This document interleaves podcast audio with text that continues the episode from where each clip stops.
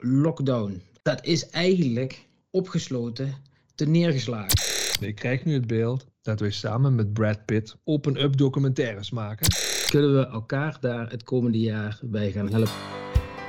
Welkom bij de podcast van Courageous Steaming. Een podcast over het kiezen voor moed en het werken in teams. Met André, Ewoud en Patrick. Hebben we een belofte vandaag? Hannibal, do we have a plan? Kijk, de plan is, Patrick, Ewout, zoals je weet, is ook trainer-coach. En dan staat hij vlak voor de wedstrijd voor zijn mannen en heeft hij een soort aanpak. Dus als ik dat om zou zetten in een belofte, dan is het eigenlijk de wedstrijdbespreking voordat je de wedstrijd ingaat. Het nieuwe jaar is onze nieuwe metaforische wedstrijd. Uh, het laatste wedstrijdbespreking voor het nieuwe jaar 2022 om een uh, ja, fantastisch jaar ervan te maken in 2022. Een fantastische jaarwedstrijd. Oké. Dus dat is de belofte. Nou, uh, ik zou zeggen, schiet van wal. Man, de druk ligt wel even op de schouders nu, hè, om, om, om dit voor elkaar te krijgen. We kunnen onszelf de vraag stellen, wat waren alle spannende momenten waar we nou, misschien wel moedige keuzes genomen hebben, alle leermomenten. Maar eigenlijk dacht ik, als ik jullie nu eens meeneem naar kerst 2022, wanneer sta je daar met een bepaalde trots? En potverdorie, dat is toch een mooi jaar geweest. Ah, we gaan vooruit visualiseren.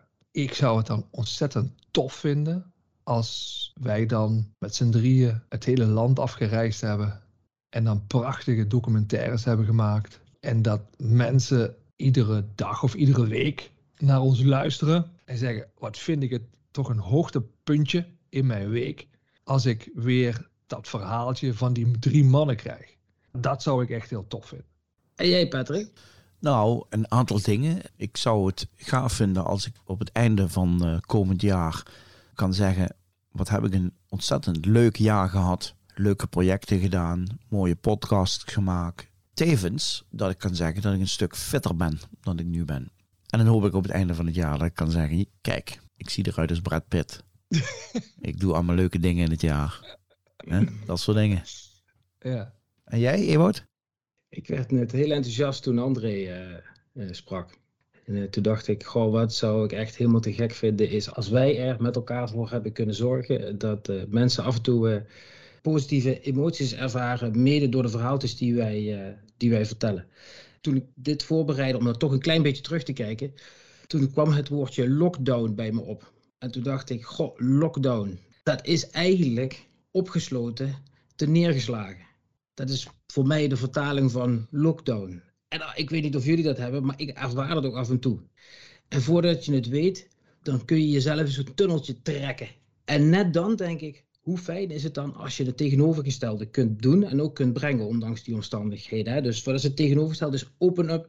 Wat kun je doen om dan toch, ondanks die omstandigheden, positieve emoties te ervaren? Vreugde, trots, dankbaarheid, waardering. En als wij daar een beetje een bijdrage in kunnen leveren, dat niet alleen wij, maar nou, laat ik beginnen bij mezelf, niet alleen ik, maar dat wij ook bij kunnen dragen dat we dat bij elkaar doen en dat we dat misschien ook wel bij onze luisteraars doen in deze omstandigheden, ja, dan, dan zou het voor mij een geweldig jaar zijn. Dus Ewout, ik krijg nu het beeld dat we samen met Brad Pitt volgend jaar door het land trekken, laten we eens een land beginnen. En dat wij open-up documentaires maken, waar mensen energie van krijgen en een beetje ontsnappen aan de dagelijkse gekte van het leven. Zoiets. Ja, en dan hoop ik wel dat die documentaires, dat we daar op zoek gaan naar kleine dingetjes. Ja. Ik wou dat, dat, toch zeggen, toen ik dit voorbereidde kwam bij mij, ik weet niet of mensen hem kennen, de Broaden and Build Theory op. Ewout, dat is niet erg dat je nu vertelt, we knippen dit er toch uit. Dus leg maar even uit wat de broad en de Doe maar gewoon, ja. Nee, Patrick houdt van concepten, dus die houdt het erin. Hij is gelukkig de baas. Dat als je positieve emoties ervaart, dat je ook weer een bredere kijk krijgt op het leven, een positievere kijk. En uiteindelijk zelfs, dat zegt die theorie, een positiever ingesteld mens kunt worden. En wat ik daar zo mooi vind, die theorie zegt, het is geen hogere wiskunde, om dat te doen. Het is juist om in, in dit soort omstandigheden op zoek te gaan naar momenten die je die positieve emoties wel geven. En dat zijn vaak hele kleine dingetjes. Hè. Dat is nou, misschien wel alleen met wat Patrick zei. Beweging kan daarin bijdragen. Is ook gewoon doelbewust vriendelijke dingen doen. Vriendelijk zijn naar anderen. Anderen helpen. Misschien wel juist muziek luisteren die, die zo'n impact op je hebben. En door heel doelbewust dat soort dingen ergens in je leven te verwerken, kun je ondanks dit soort omstandigheden toch misschien wel dat open-up ervaren.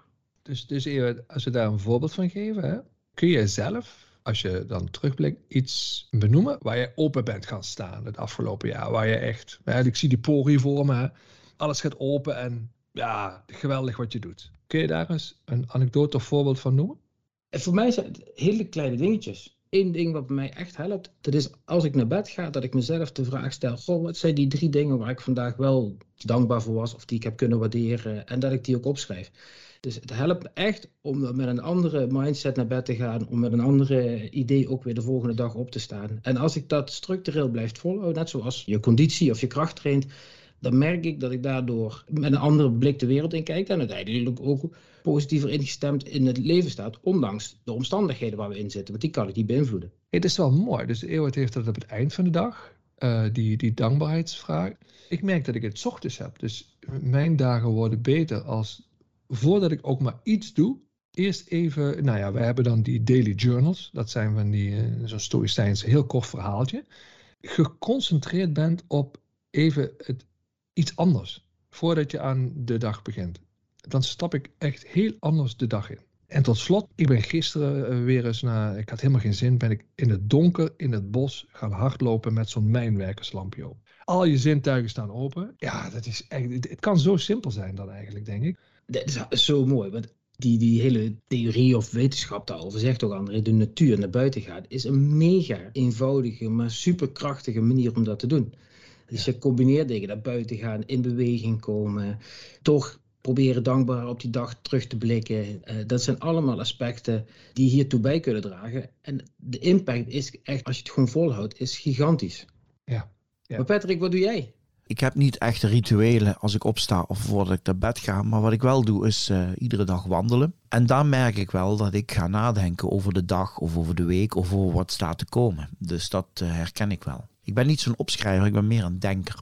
Er zijn natuurlijk vele rode draden, hè, maar als ik ons zo hoor praten, dan de oproep die eronder ligt volgens mij is onder andere mens, leef bewust. Het is iedere dag, en natuurlijk moet je van alles, maar heb je ook weer van allerlei keuzemogelijkheden die je kunt doen. Open up, hè. En nadenken, waar kan ik ja, openen, waar kan ik iets anders doen wat me plezier, vreugde geeft, wat me goed gevoel geeft. Dat is toch wat het leven speciaal maakt maak er nog één anekdote in gooien. Dus uh, we waren met Emiel ook een beetje aan het verkennen. Wat, wat, wat wordt nou het format van onze podcast volgend jaar? Kunnen we nog andere dingen doen? Nou ja, we hebben iets met moed, moedige verhalen. En toen vertelde hij, de zoon van zijn vriendin, die heeft een, een lintje gekregen van de burgemeester van Maastricht. Wat heeft die knul gedaan? Die ging blijkbaar op een avond naar huis. En toen zag hij iemand op de Oude Maasbrug. En daar ging het niet zo goed mee. En hij is daarnaast gaan zitten. En die heeft dus met die ander heeft hij gepraat. Sowieso neemt hij de beslissing, ik zie dat en ik doe er iets mee. Ja, heeft die ander van de brug afgekregen. Ja, dat vind ik toch een geweldig verhaal. Dat iemand zo'n beslissing neemt.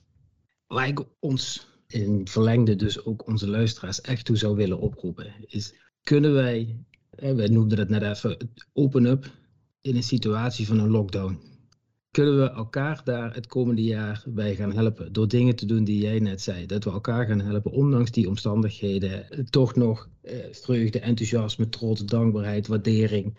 Al dat soort positieve emoties te ervaren. Vanuit de overtuiging dat dat misschien wel de manier is om er voor iedereen voor te zorgen. Dat we straks bij kerst staan en een betekenisvol jaar gehad hebben. Een waardevol jaar voor iedereen.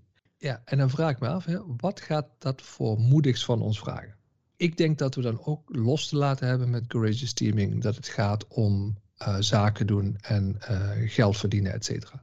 Dat zou voor mij de moed vragen dat we dat van een heel stuk loslaten en dus op zoek gaan naar deze verhalen. En dat we op deze manier anderen willen aanzetten, inspireren, laten ontsnappen. En dat de verhalen en dus ook de moed in ons allemaal zit. Ja, en verder denk ik dat het moedige wat het van ons vraagt, dat we dat ook gedurende de rit wel zullen ervaren. En daar ook op moeten reflecteren. Welke energie moet ik erin stoppen? Welke energie krijg ik ervoor terug? Uh, is het me dat waard? Uh, dat soort dingen. Ja. Het OKT is gaande, hè? het Olympisch kwalificatietoernooi voor de schaatsers. Al die schaatsers hoor je eigenlijk zeggen: het succes hangt af of ik mezelf kan loskoppelen van het resultaat. Dus of ik iedere slag die ik maak met veel energie, met kracht, beste slag kan maken waar ik van geniet.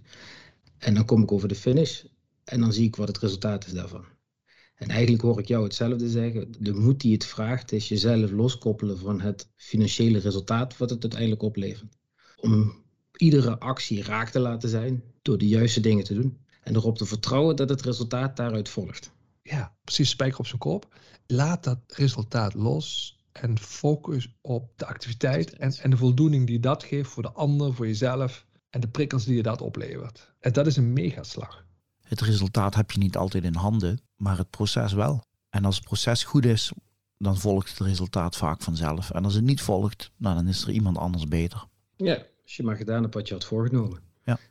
En als je dat gelukt is, dan kun je daarmee accepteren. En vaak zie je dat de verkramping erin schiet, omdat iemand te veel bezig is met de prestatie, het resultaat. En daardoor uiteindelijk over die finish staat en eigenlijk twee dingen gemist heeft. Hij heeft en het resultaat niet gehaald en hij heeft niet zijn beste race gereden. Ik ben wel benieuwd. We hebben de afgelopen half uur hebben we een strijdplan gemaakt. Normaal doet Ewout dat voor zijn handbalteam, ik voor mijn volleybalteam. Wij hebben een strijdplan gemaakt voor 2022. Wat gaan we doen nu? Wat is de eerste stap? Ja. Lol maken. Ga de komende weken gewoon eens even lol maken. Dat zou mijn eerste stap zijn. En kijk eens welke ideeën er allemaal opkomen dan.